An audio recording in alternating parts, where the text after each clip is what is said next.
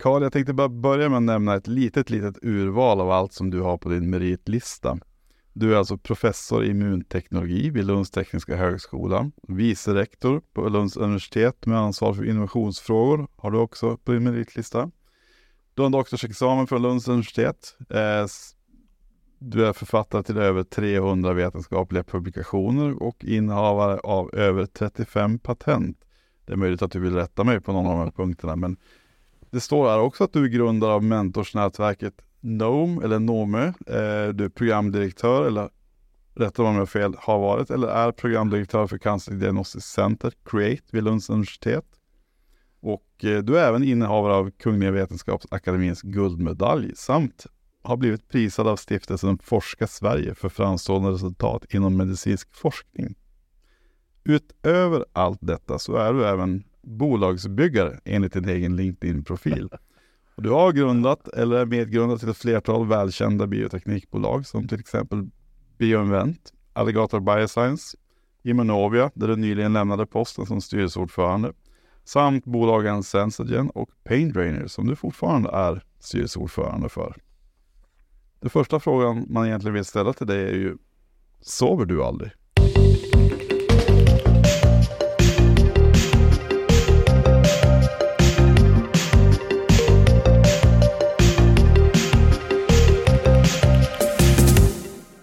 Ja, man hinner ju sova emellan man bygger bolagen. Nej, allvarligt talat så um, det är den här drivkraften som, som jag har diskuterat många gånger och när man, det vet du ju själv, när man gör något som är kul mm. så kan man hålla på hur länge som helst. Och när det, när det börjar bli tråkigt så, så går tiden väldigt långsamt. Så att eh, jag har ju haft förmånen att ha fantastiskt roligt eller inte alltid, men eh, hela, hela karriären, både akademiskt och eh, eh, kommersiellt kan man säga. Mm. Och just den här eh, dualismen att kunna jobba med, med riktig, så att säga, grundforskning, tillämpad forskning och sen switcha över till eh, kommersiella frågor, affärsutveckling, strategiplan och finansieringsstrategi och så vidare har ju varit eh, otroligt kul och jag hade nog inte stått ut om jag hade gjort eh, antingen det ena eller det andra, utan jag vill ha kombination. Mm. Vi kommer att återkomma till många av de här punkterna som du själv just nämnde och eh, du ska få berätta mycket mer om det. Men eh, om man då tittar bakom den här meritlistan och för alla de som lyssnar som inte känner personen Karl Borrebäck. Mm. Kan du berätta lite kort om dig själv, till exempel var är du född och uppvuxen? Eh, jag är född i Halmstad Per Gessles stad uh, och var i Tylösand på sommarna. Uh, min familj hade en liten stuga där. Och sedan så flyttade jag till uh, Göteborg och började plugga. Och alla mina kompisar flyttade till Lund, så då flyttade jag till Lund.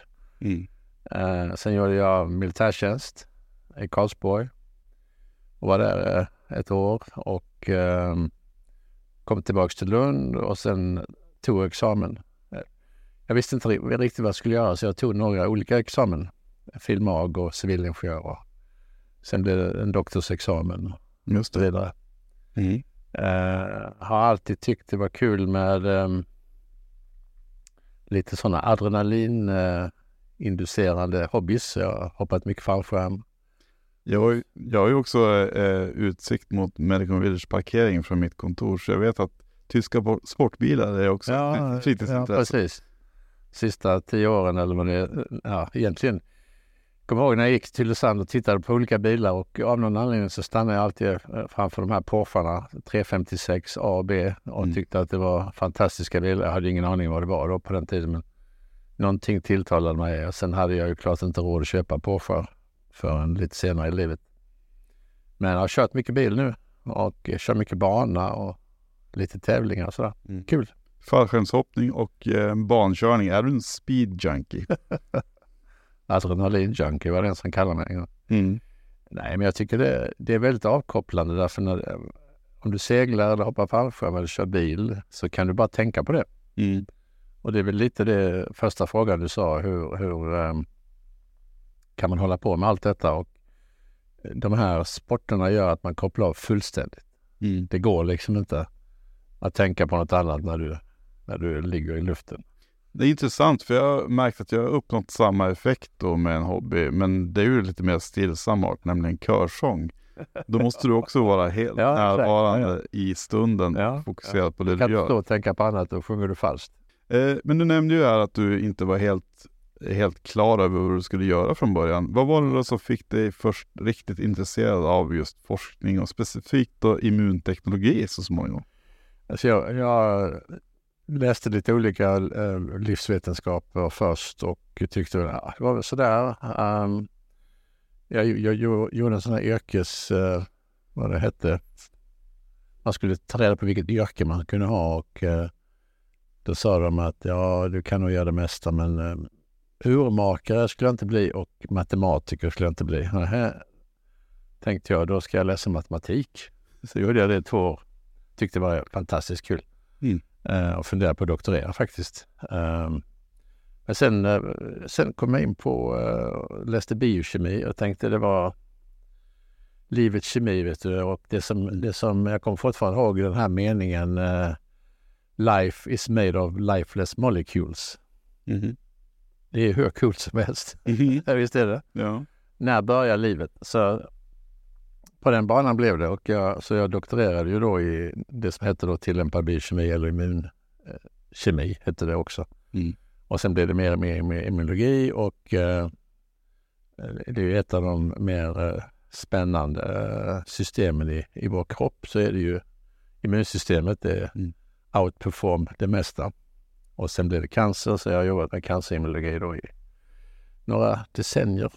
Mm. Ja, inte några decennier, ett par. Var det något särskilt som gjorde att du vinklade in på just cancerspåret? Det var väl egentligen... eh, eh, jag gjorde postdoc i UC Davis i Kalifornien och eh, då, då kom det här uh, monoklonala antikroppar som var ett speciellt sätt att göra antikroppar. Och då kunde man för första gången rikta dem mot tumörceller och sedan så hade man ett helt nytt terapikoncept. Mm. Och det, det tyckte jag var hur coolt som helst så att jag höll ju på med det länge och det var ju det som låg grunden till Biomoment när vi startade det. Mm. Eh, det var precis när jag kom hem eh, och så det var ju väldigt inne då att hålla på med det.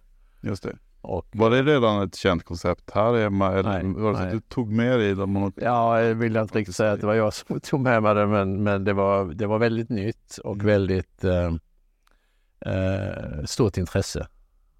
Och, och ehm, då hade man ju för sig från eh, anslagsgivande myndigheter att det räckte med ett sånt labb i Sverige. Okej. För det, det var ju ändå, det var ju liksom, ja, det var väl, det var väl bra men det räcker med ett och Lite som att internet är en fluga. Ja, lite så var det. Och eh, sen eh, finns det ju enstaka antikroppsbaserade läkemedel då, som omsätter 30-40 miljarder. Mm. Eh, Så det har blivit eh, den enskilt största läkemedelsflugan. Fluga, ja precis. En jättefluga. Mm. Eh, och idag har det ju gått över då till att eh, på den tiden så gjorde vi antikroppar som band, band till tumörcellen och så hoppades vi att den skulle dö. Det gjorde den ju sådär lagom mm, bra. Okej. Men idag då kan man ju stimulera hela immunsystemet Mm. så att immunsystemet slår ihjäl tumörceller. Det är ju det som är, och det har ju redan, jag ska inte säga att det är framtiden för det finns redan här Mm. och det omsätter redan miljarder av dollar. Men, men det, är ju, det är ju det som kommer i framtiden att kunna, tror jag då, göra cancer mer till en kronisk sjukdom Mm. eh, snarare än en, en, en eh, sjukdom som man dör av. Mm. Och det är ju redan på gång. Så att just den här nyckeln, det är ju, om, alltså om det är någonting som är häftigt så är det ju att kunna man- manipulera immunsystemet så att man kan, det är inte bara tumörceller, man, man skulle kunna komma åt allergi, man skulle kunna åt autoimmunitet och så vidare. När man, ju mer man lär sig. Mm. Och för 20 år sedan så, så visste man ju, alltså det, det som jag tyckte var kul när jag läste immunologi var att när man läste den här första boken som heter Grundläggande immunologi, då kom man nästan till forskningsfronten. Mm. När man, när man pluggade matematik så läste man ju, eh, höll jag på att säga vad de gamla grekerna gjorde, men man hade ju böcker då som, som byggde på eh, ja, stora matematiker från 1800-1900-talet. Så, Ja, just det. Mm. så det här var något som var väl, kändes, kändes väldigt fräscht. Mm. Kort paus. Varför jag skulle ringa dig. Ja, det är bra med påminnelse. Ja. ehm, och, eh, det, kändes, det kändes väldigt nytt och fräscht och liksom man, man eh, kom väldigt långt fram på konferenser så, så um, kände man att man var, man var med på ett annat sätt mm. än matematiksidan. Mm. Jag hade egentligen en fråga här. Just när, om du, du då som har jobbat mycket med innovationer under en lång tid och så här, om du minns allra första gången i din forskarroll där du tänkte att herregud, här har vi någonting speciellt, alltså någonting riktigt, riktigt spännande. Var det då kanske i samband med att du eh, lärde dig om eh, just monoklonala antikroppar eller var det någonting annat? Alltså jag, jag, jag kommer ihåg när man eh, när jag var då doktorand och, och liksom gjorde de här monoklonala antikropparna och man satt och tittade i mikroskopet liksom halv tolv på natten för det var så jävla spännande. Mm. Och då tänkte jag så här, tänk jag är först i världen för att se detta som vi nu gör. Mm. Och, och, det var ja, det var väldigt spännande och en drivkraft som, som liksom är hur stark som helst. Och sen när, när man då tog den, de här supernatanterna och testade om det fanns några antikroppar så var det ju nästan man stod och hoppade. Det var som att se en, ja, en superintressant film. Och så lyste du upp här och där och så tänkte jag, yes, we have it. Mm. Ja, och sen så tog man det vidare då till djurförsök och sen har vi ju introducerat flera antikroppar via bolagen då till patienter faktiskt. Mm. Uh, även om det tar extremt lång tid. Mm. Uh, och det, det, är ju lite frustrerande. Men uh, just den här, jag tycker man, alltså det som har spårat mig väldigt mycket det är ju att ta forskning som är cutting edge och sen se hur den, hur den leds in i samhället på något sätt. Mm. Och gör nytta. Och, och, det här med grundläggande och tillämpad forskning tycker jag är, det, det är liksom strunt samma vad man kallar det. Men för idag ligger den här, även grundläggande forskningen, ligger så nära tillämpningarna. Mm.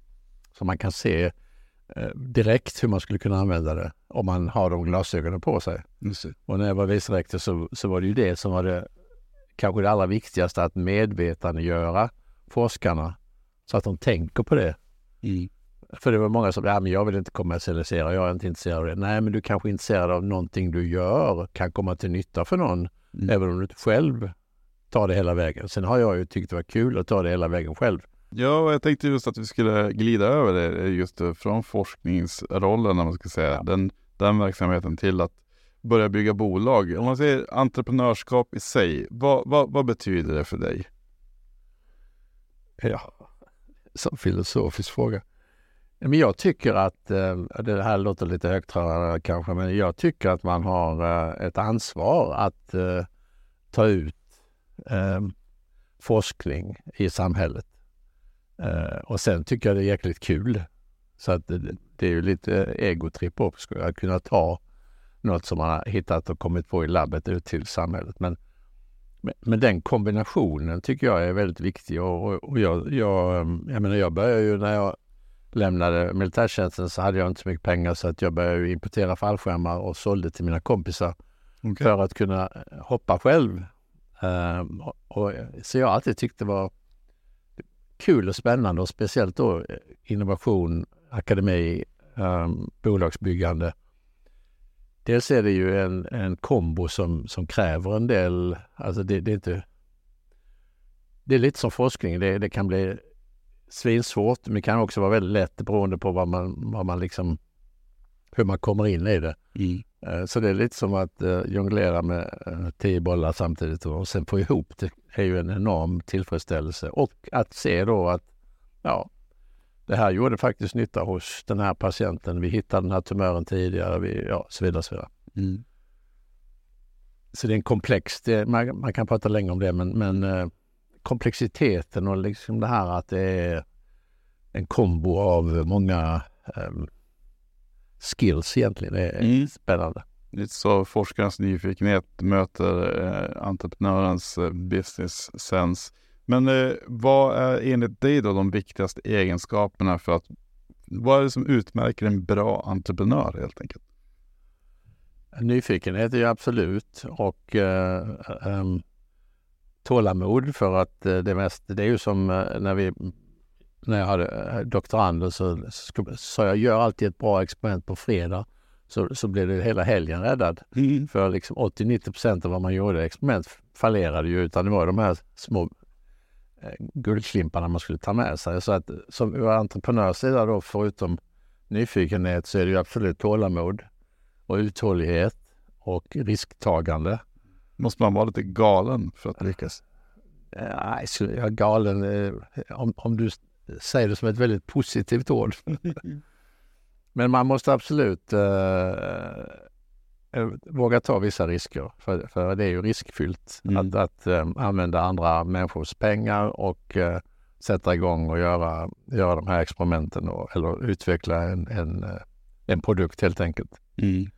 Så eh, en uthållighet och liksom jävla namma. Och, och mm. lite, lite bekymmerslös kanske till och med. Just det, lite öppet sinne helt enkelt. Eh, du nämner ju här också, ja, dels nämnde det var en intressant affärsidé det här med att importera fallskärmar, men undrar, lämnade du personligen garanti då för att de funkade? Inga garantier att någonting funkar överhuvudtaget. Å andra sidan eh, var det sällan någon som kom med någon reklamation gissar Nej, nej. Den möjligheten fanns inte.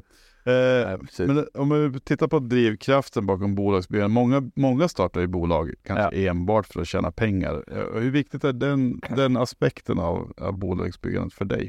Alltså själva, själva penningsidan kan aldrig vara en drivkraft som, som gör att du orkar med att jobba så mycket. För det, det är ju liksom inte helt enkelt att göra det. Mm.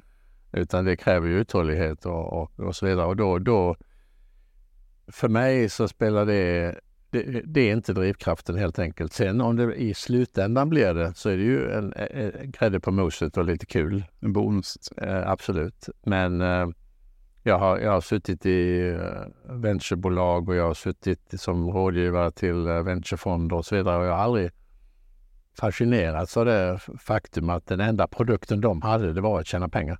Ja, nu låter det lite slarvigt för att det är klart att de venturebolag, de bygger också framtiden, de bygger bolag, de hjälper till och så vidare. Men för mig personligen så var inte det tillräckligt. Jag ville själv göra allting. Mm. Vi kommer faktiskt återkomma till ämnet venture capital eh, lite längre fram. Här. Men ja.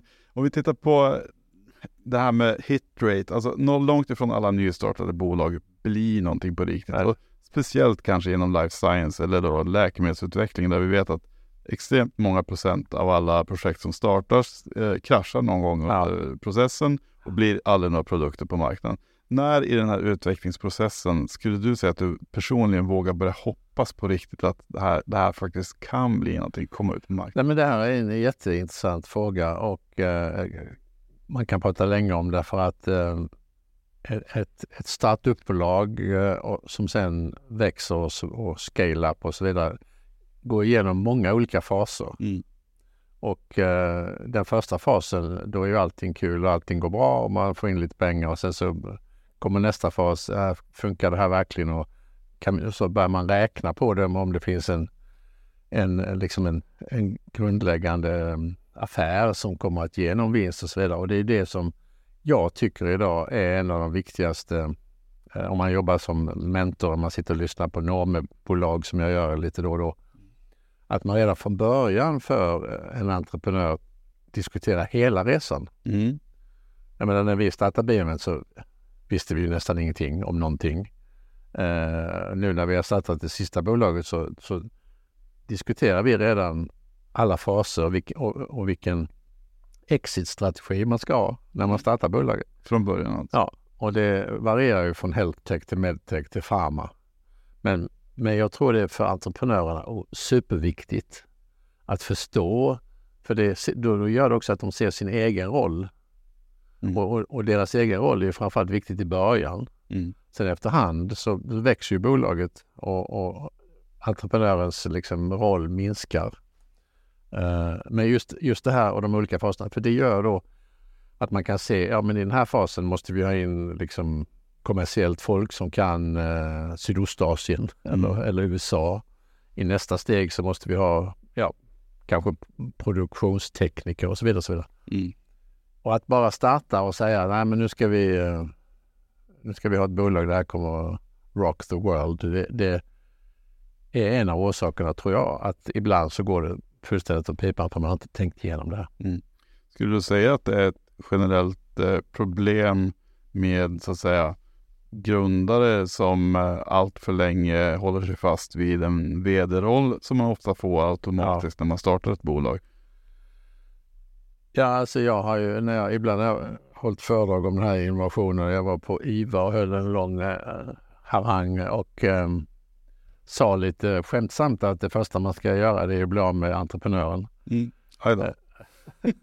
För det god jord det, det, ja, det, föll, det, det, var, det, blev en ganska intressant diskussion efteråt. Mm. Men det är ju väldigt få, om du kommer från en forskarbakgrund och är, publicerar i Nature Science och liksom redan är, är top of the line. Det är väldigt eh, få som, som har samma skill att sen bli VD, affärsutvecklare, finansstrateg och så vidare. Mm.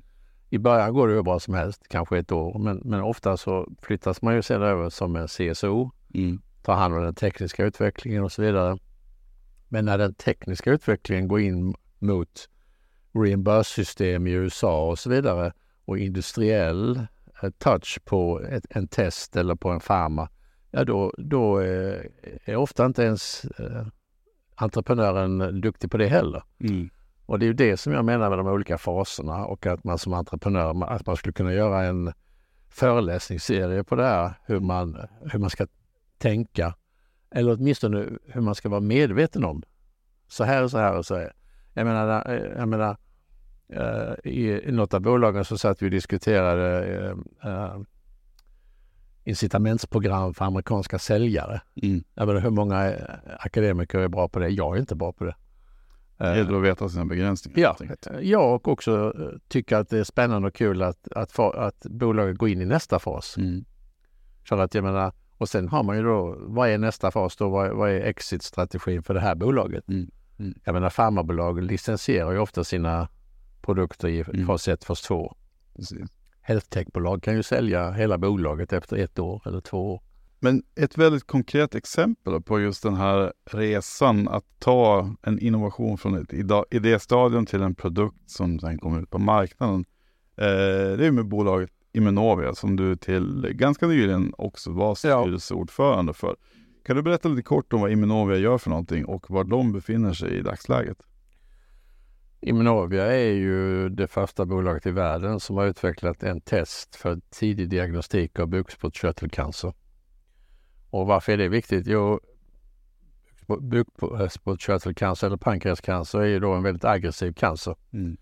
Och hittar man den eh, tidigt så är överlevnaden, femårsöverlevnaden kan vara uppåt 50 procent eller mer. Mm. Och hittar man den sent så är det 3-4 procent. Så går det som för Pavarotti? Ja, ja det är många eh, eh, som faktiskt eh, kändisar höll jag på att säga som. Mm. Steve Jobs hade ju en variant av det. Mm. Uh, men uh, kan man då hitta den tidigare och det, det, det är relativt svårt och då byggde det på, på en idé som vi hade att uh, jag menar blod innehåller otroligt mycket information. Det är säkert 10 000 olika proteiner. Mm. Och kunde man titta på mönster av de här proteinerna i en patient så skulle man också kunna få mycket information om, om olika sjukdomstillstånd. Mm.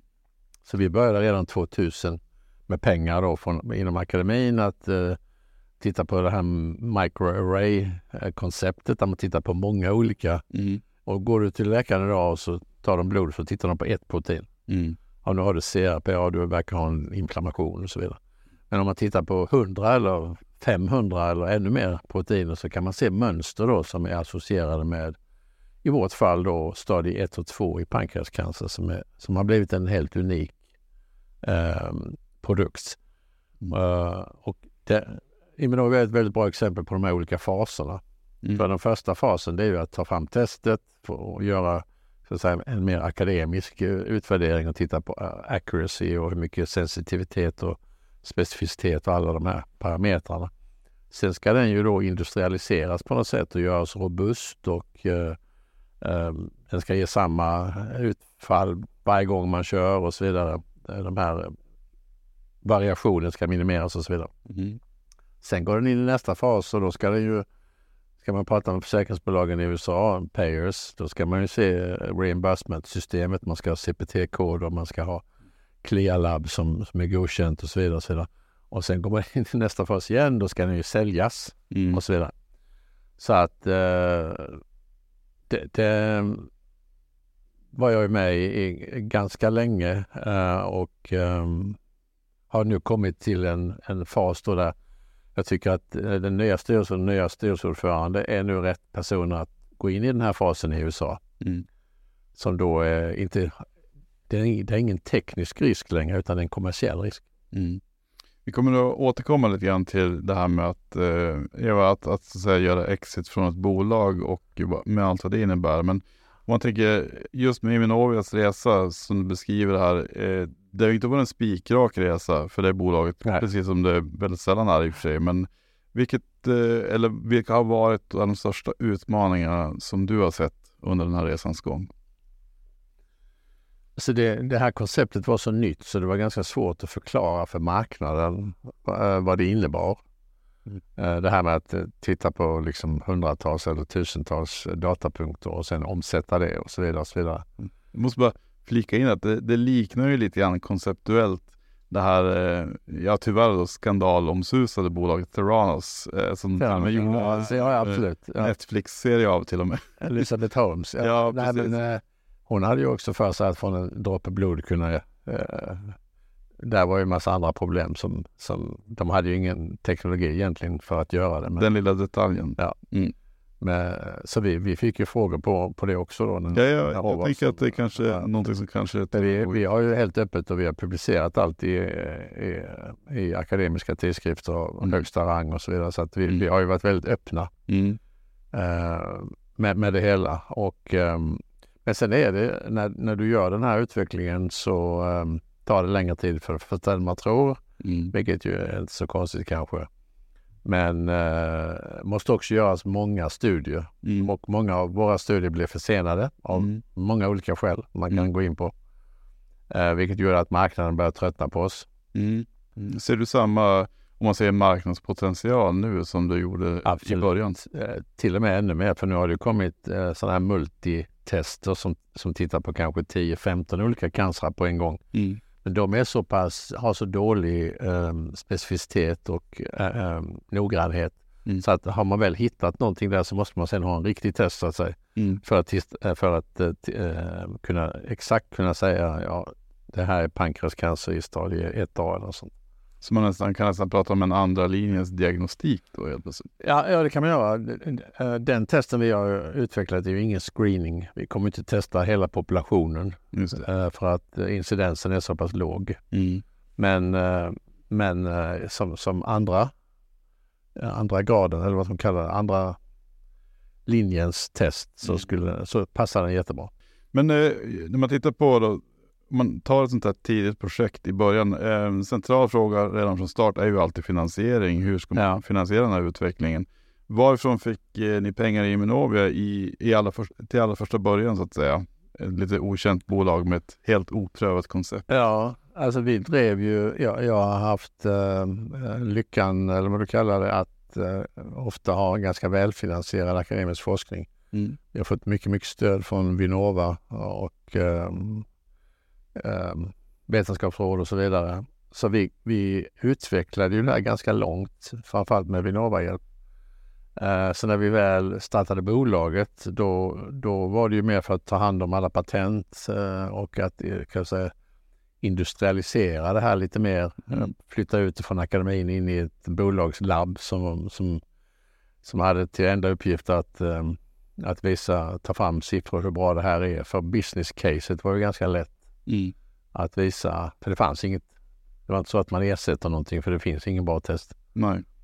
Um, så att till skillnad då från, från uh, uh, man ska ta Sensagent till exempel som ju är ett annat bolag som bygger på samma princip. Mm. Det vill säga att titta på väldigt många datapunkter. Mm. Uh, det är genetiska datapunkter som vi tittar på där men där hade vi ju också en vi ersatte ingen test så vi kunde ju börja fakturera mm. nästan från början. Inte så att det gick på något sätt med vinst, eh, men, det, det gjorde i alla fall att vi, det var ett, det är väldigt, ett, ett favoritbolag där, just för att man fakturerar och eh, personalen blir blir van att skicka ut fakturor. Det är ganska ovanligt i life science. Jag skulle säga det, det tillhör inte vanligheterna i, Nej. i bland bolagen, kanske runt Medicon Village. Men jag Nej. nöjd. Verkligen inte. Så att, eh, men, men som sagt, det, det är lite olika resor och eh, totalt sett så ger det ju en, en, kan säga, en erfarenhet från både medtech och pharma. Mm. Och nu sista bolag, eller senaste bolaget ska säga då, som är healthtech. Som också är helt skilt i både, både vilka finansiärer man har och hur man pitchar mot eh, eh, sjukhus och organisationer och så vidare. Mm. Och det där med att eh, just titta på vilka finansiärer man så att säga helst vill ha och så vidare. När man som aspirerande bolagsbyggare då eller innovatör, och hur ska man tänka, tycker du, långsiktigt kring just kapitalanskaffning? Vilken strategi skulle du rekommendera generellt?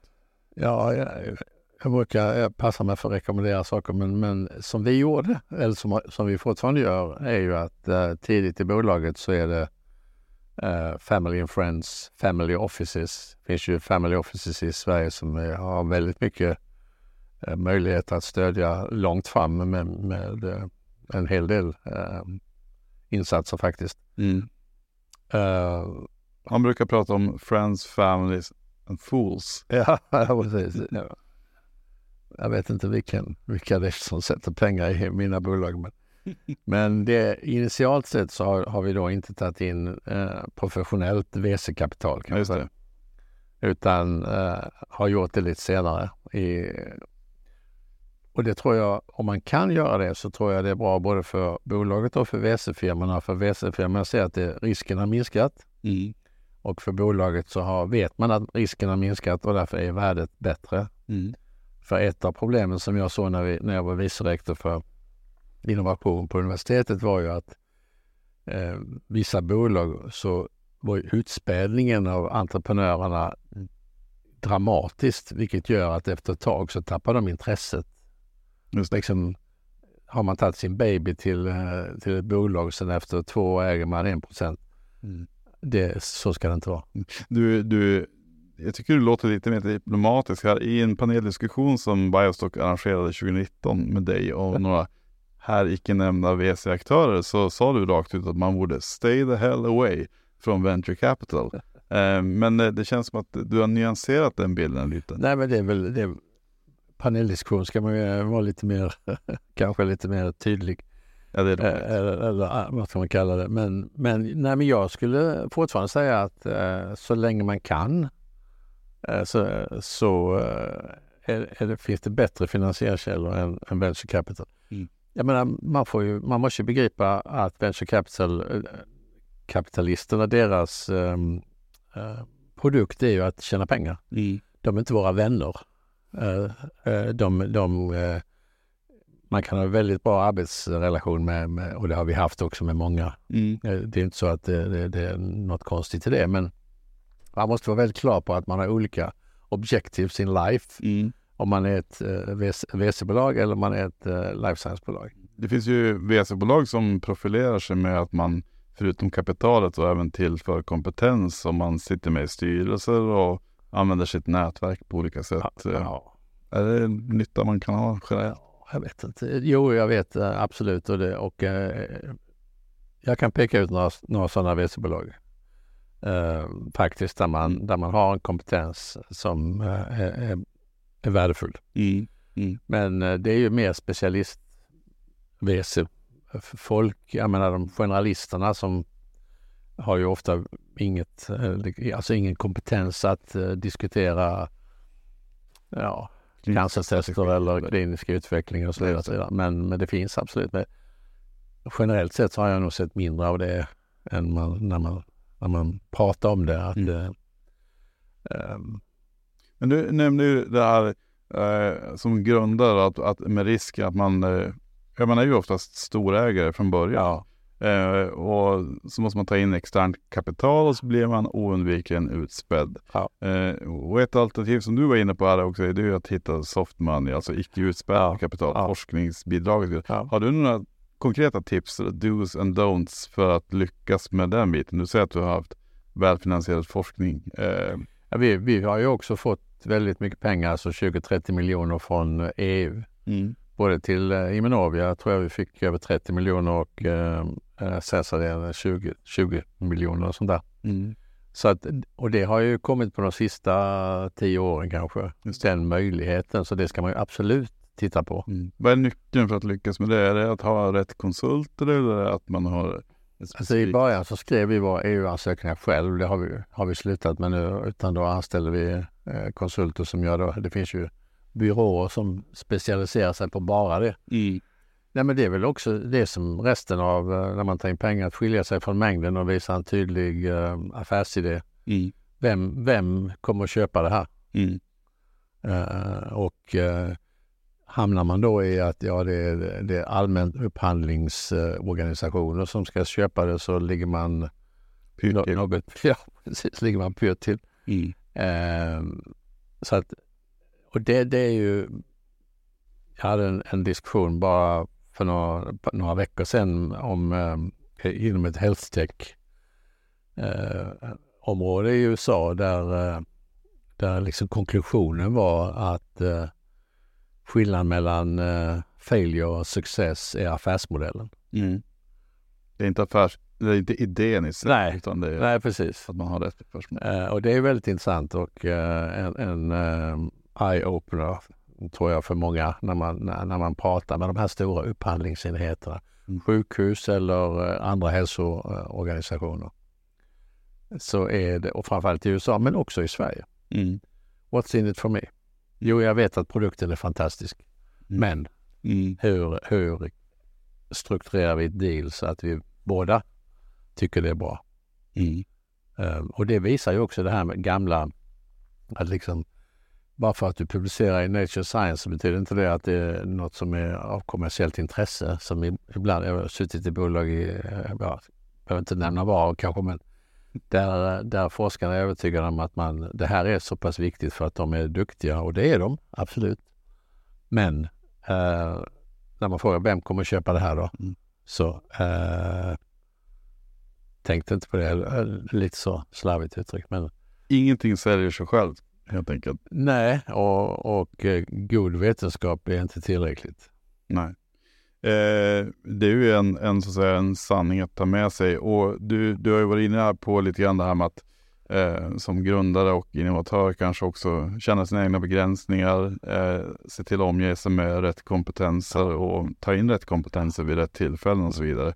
Eh, kanske försöka hålla sig borta från eh, professionellt VC-kapital i den må mån det går. Men eh, har du några fler så här, riktigt viktiga erfarenheter som du har gjort under din entreprenörsresa, eller dina resor kanske jag ska säga, eh, som är liksom avgörande faktorer för att man ska faktiskt lyckas och gå, gå hela vägen? Det är lite det vi har varit inne på tidigare, de här olika faserna och, och veta i vilken fas man behöver vilken kompetens. För det hela bygger egentligen på att bygga ett team som är bra, duktiga och som man tycker är kul att jobba med. Mm. Då kan man eh, ta ner månen liksom. Eh, och är det inte det så blir det precis tvärtom. Mm. Och det teamet ändras då genom de olika faserna i ett bolag. Eh, och, och, det för mig, det, det, är liksom, det låter kanske självklart när man pratar om det men, men eh, det tog ganska lång tid liksom innan den, det satte sig i huvudet på mig i alla fall. Mm. Uh, och fortfarande ser jag hur många bolag som helst som inte har någon susning om, om det och tänker inte på det. Så det, det är för mig det viktigaste att, um, och det låter kanske inte så kul att uh, uh, prata om exitstrategi eller finansieringsstrategi, men det har ju att göra med hur mycket du kommer att bli utspridd, hur mycket du kommer att ha kvar av ditt bolag och vilket team som kommer in. För det enda, i början, det enda du har, det är inte pengar utan det är aktier. Mm. Och, och, ja, men då, så då kan det är man, din valuta så att säga. Ja, det är ju det som är valuta som man kan betala sina medarbetare eller, eller advisors eller vad du vill. Mm. Och där måste man ju fundera efter för plötsligt så har man inga aktier. Och jag har sett exempel på det. Riktigt duktiga forskare som efter ett tag liksom sitter med nästan ingenting. Mm. Och då tappar man ju inte. Vad ska man hålla på med det för? Mm. Uh, för då har man ju inte, inget inflytande längre. Man, har liksom, man kan inte driva det framåt. Så att hela, hela resan är enormt viktigt att uh, fundera på. Det för mig har varit, uh, det är nästan det viktigaste. Mm. Och, det, och det kan man ju bryta ner och, och liksom diskutera länge som händer. det känns ju, eh, om man ska säga dessvärre, känns ju lite grann som en eh, sån här erfarenhet eller som en insikt man får lite grann i efterhand. Att, att det var viktigt att ha helhetsbilden ja. klar. För, lite grann som när folk pratar om att man skulle pensionsspara när man var 20 ja, år. Ja, precis. Och hade inte en susning om varför. Men om man säger, eh, det är i alla fall en viktig erfarenhet och om man säger, vad är då det mest dyrköpta misstag du har gjort under din karriär? Finns det något du kan sätta fingret på eller är det många? Jag kommer ihåg jag blev intervjuad eh, på, jag kommer inte ihåg, en kvällstidning som frågade mig när, eh, när vi skulle ha en, eh, en, en terapi för melanom, malignt melanom. Och jag är övertygad om att det var liksom runt hörnan, så jag sa ja, tre, fyra år. Okay. Uh, och, jag, och de misstagen gör jag inte om längre. Uh, att liksom uh, ha orealistiska tidsramar. Och det är något också som, det var första bolaget. Mm. Och sen i de andra bolagen så har vi blivit bättre på det, på det hela tiden. Och det är ju den kompetensen som man kan dela med sig av. Så som du säger precis, det, det är sånt man lärde sig efter man mm. hade gjort alla misstag. Mm. Men nu har jag startat ett antal bolag så att då, ju, ju, senare vi startar bolagen desto bättre blir de i alla de här aspekterna. Mm. Uh, vilket är såklart superviktigt, men också kul att sitta och diskutera. Tittar du på många av inkubatorerna så, så bygger man ju dem, eh, eller man, man supporterar bolagen i den första fasen. Mm. Det är väldigt få inkubatorer i världen, och nu menar jag inte bara i Sverige, där man har hela resan återigen mm. eh, definierad eller diskuterad. Och jag, jag, tror det är jätteviktigt. Ja. ja. Eh, och eh, om man då säger att eh, det var ett tydligt exempel på en miss som du känner att det här, det gör jag inte om igen. Snarare det som gäller är under province and over deliver. Eh, ja. Kan du ge något konkret exempel på ett tillfälle du har känt dig extra nöjd med dig själv eller det du har uträttat? Eh, alltså jag får ju, eh, kan säga, kickar eller tillfredsställelse av, av små saker. Mm som, eh, som när man berättar dem så kanske det inte låter så viktigt men eh, eh, när, vi fick, när vi kom på 33-listan med, alligat, eh, med eh, Sensadien var, var mm. fantastiskt när vi har fått kommit med i acceleratorprogram och så vidare med Paindrainer. Mm. När vi eh, gjorde vår första deal med, med Biomet var liksom, det var ju champagne. Eh, och sen så kan det bara vara återigen småsaker i affärsutvecklingen som... För det, det, jag menar, hela den resan består ju av tusen steg. Mm. Och man ska se till att varje steg kan vara något kul. Mm. När jag, jag, var med och introducerade ett eh, bolag i, i uh, Japan, äh, inte Japan, Sydkorea. Mm. Jag gjorde en IPO, inte jag men jag var med och hjälpte till lite grann. Mm. Det var ju också fantastiskt kul.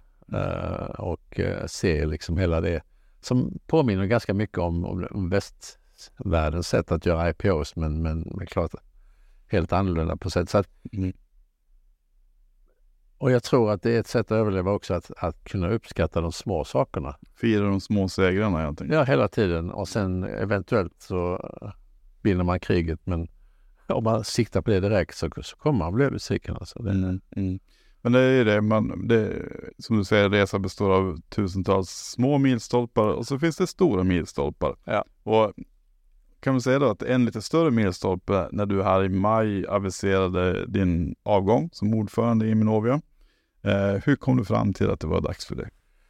Ja men det, det är ungefär lika, jag menar jag slutade ju Bioment också och jag, eh, jag har ju suttit i styrelsen uh, i Alligator i många, många år. Um, och uh, i Minovia i många år och har egentligen planerat en succession där de sista två, tre åren men av olika skäl då på managementsidan framförallt så har det liksom inte eh, det har inte passat riktigt. Mm. Och som, som grundare och styrelseordförande så är du otroligt påpassad. Mm. Och allting du gör tolkas. Mm. Uh, och skulle, skulle jag liksom ha slutat i, i vissa faser när, när, när, till exempel när vi har haft förseningar och så vidare mm så skulle man ju tro att hela bolaget gick åt pipan bara för jag slutade. lämnar skeppet. Eh, och nu är ju klart ingen, ingen um, vår aktie står ju inte på topp men samtidigt har jag kunnat få ihop en bra styrelse och styrelseordförande, en amerikansk VD Mm. ehm, som vi har tillsammans med, med styrelsen fått ihop. Så vi har, det är ett riktigt bra team. Mm. Och då tycker jag, men eh, nu, nu kan jag till sist lämna över. Och eh, det skulle, jag skulle gjort det för tre år sedan men det passade inte då. Men nu, nu, nu gör jag det. Mm. Och jag tror det är helt rätt. Och jag, jag um, känner liksom ingen eh, ska man säga, saknad egentligen av när man lämnar bolagen. Det är ju det tredje bolaget då som jag startat som jag, som jag lämnar över till någon. Ja, jag tänkte just fråga dig, hur gör man för att släppa taget helt eller göra så att säga känslomässig exit eh, om man nu har varit med och grundat och sett ett bolag växa och det blir ju som ens egen baby på något sätt. Ja, ja, det är ju ens egen baby i början tillsammans med om man är, har fler grundare. Men, men jag menar, sen efterhand som du bygger teamet så kan du inte hålla på att tänka på att det här är din baby. Alltså då, då tar du fel beslut. Sen, sen ska det vara strikt kommersiellt. Det är ett bolag, vi ska bygga det, vi ska sälja produkter eller vi ska sälja bolaget och så vidare. Eh, och går det bra så kommer alla bli glada. Eh, och då spelar det ingen roll om du äger en, ja, en procent kanske inte så mycket. Eh, 10 eller 50 procent om jag säger så. Eh, för att det kommer bli bra. Mm. Så att både Bioment och Alligator och nu Immunovia och även efter ett tag, eh, kanske någon av de andra bolagen, så, så jag bara ser att, att de har kommit till det, det är som barn, man har barn, i början är det ens baby och sen efter ett tag när de är tonåringar eller mer eller flyger ut så är de egna, tar de hand om sitt eget liv. Mm. Och det är precis samma med bolag egentligen. Mm. Men det är väldigt kul att starta många bolag Mm. och se till att de kommer till det stadiet att man kan lämna över. Det, det är ju enorm tillfredsställelse som du frågade efter tidigare. Vad är, det, det är ju liksom, för mig personligen så känner jag att då har jag lyckats. Mm. Ja, och, väntar nu då runt hörnet om man säger så? Du har ju flera bolagsengagemang kvar. Du är styrelseordförande i både Sensogen och Painrainer. Ja. Och jag vet att du eh, också är delaktig i någonting som heter Uptake Bio. Ehm, Ja. Vill du berätta lite kort om vad som händer härnäst? Ja, alltså ehm, om vi tar Sensa, den går ju väldigt bra. Eh, man behöver inte vara rocket science för att se att det bolaget kommer ju nå break-even och eh, liksom med svarta siffror ganska snart och då kommer, vi bli, kommer det bli helt andra men väldigt roliga utmaningar. Eh, Painrain är, är ju fortfarande så ungt, men där har de kliniska studierna varit fantastiskt framgångsrika och eh, ehm, där diskuterar man ju också liksom vad händer om ett eller två år. Många av de här bolagen blir uppköpta. Mm. Ehm, och eh, kan man se att, det, att de då i den nya organisationen kommer växa ännu mer och göra ännu mer nytta så jag, tycker jag det, det är också en framgång. Mm. Uptake är ju jätte, jättenytt. Men eh, där... Finns inte ens en hemsida? Sett. Nej, precis. Eh, och det, det är ju ett farmabolag, immunonkologi, eh, med, med radioterapi, eh, terapi, alltså eh, vad heter det? Radioaktiva isotoper eh, som, som har en fantastisk potential i och med att den inte är cancerindikationsspecifik utan den kan slå på många cancrar och den, den har just det här som jag pratade om tidigare, ett sätt att, att eh, kickstarta immunsystemet Mm. samtidigt som det ger en strålning till tumören. Yes. Eh, och det är ju ett gammalt team som jag har jobbat med i många år. eh, med Anki Malmborg till exempel som, som har startat många, eller startat många bolag tillsammans med och jobbat med många år. Mm. Och eh, ett övrigt ett team som är fantastiskt kul att jobba med. Eh, och jag har tänkt jag, jag skulle inte sitta i sådär jättemånga styrelser för det är ju ändå ett, ett jobb men just i det här fallet så tycker jag det var så spännande så att eh, jag hoppade in. Mm. Men har du några andra planer på att trappa ner? Alltså ägna dig mer åt trädgårdsarbete eller kanske ännu mer bankörning? racing. Ja, racing. Ja, det hade varit kul att köra ännu mer racing är ju en konstig sport för det är ju den enda, eller inte enda, men eh, det är den enda där alla utövare får betala själv. Det är inte som i golf och tennis och vidare där man, där man kan eh, få prispengar. Men, eh, men nej, jag tycker nog, jag har, vi har ytterligare ett, ett projekt som kan möjligtvis bolagiseras som ehm, där man, jag har ju studerat det här, den här axeln body and mind. Mm. Vad, vad din, den psykologiska resiliensen kan påverka din eh, sjukdomsutveckling. Psykosomatiska. Som jag för tio år sedan tyckte var väldigt fluffigt och liksom, mm. ja ja, jo, tänk du på det. Men där har ju kommit väldigt mycket och vi har ju mycket långt eh, gångna resultat nu där vi har tittat på över tusen bröstcancerpatienter. Okej. Okay. Eh, och har den största studien i världen faktiskt. Mm. Där kan det eventuellt komma ut något spännande, vi får se. Men eh, samtidigt så blev vi ju, eller jag också, man blir mer, eh, ehm, jag ska inte säga kräsen, men, men man blir mer eh, noggrann med att mm. man har alla de här byggstenarna så att alla faser återigen som är ute efter mm. kan, eh, man, man kan se att det här kan utvecklas till något bra. Mm.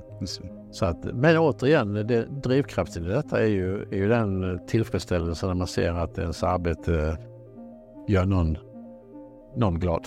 Gör någon nytta helt enkelt. Ja, du besvarar egentligen där, det var faktiskt min sista fråga där. Kommer vi att få se några nya bioteknikbolag med Carl Borbeck som grundare? Det är inte omöjligt. Det är inte omöjligt. Slutklämmen. ja. Faktiskt. Nej, det, det är inte omöjligt.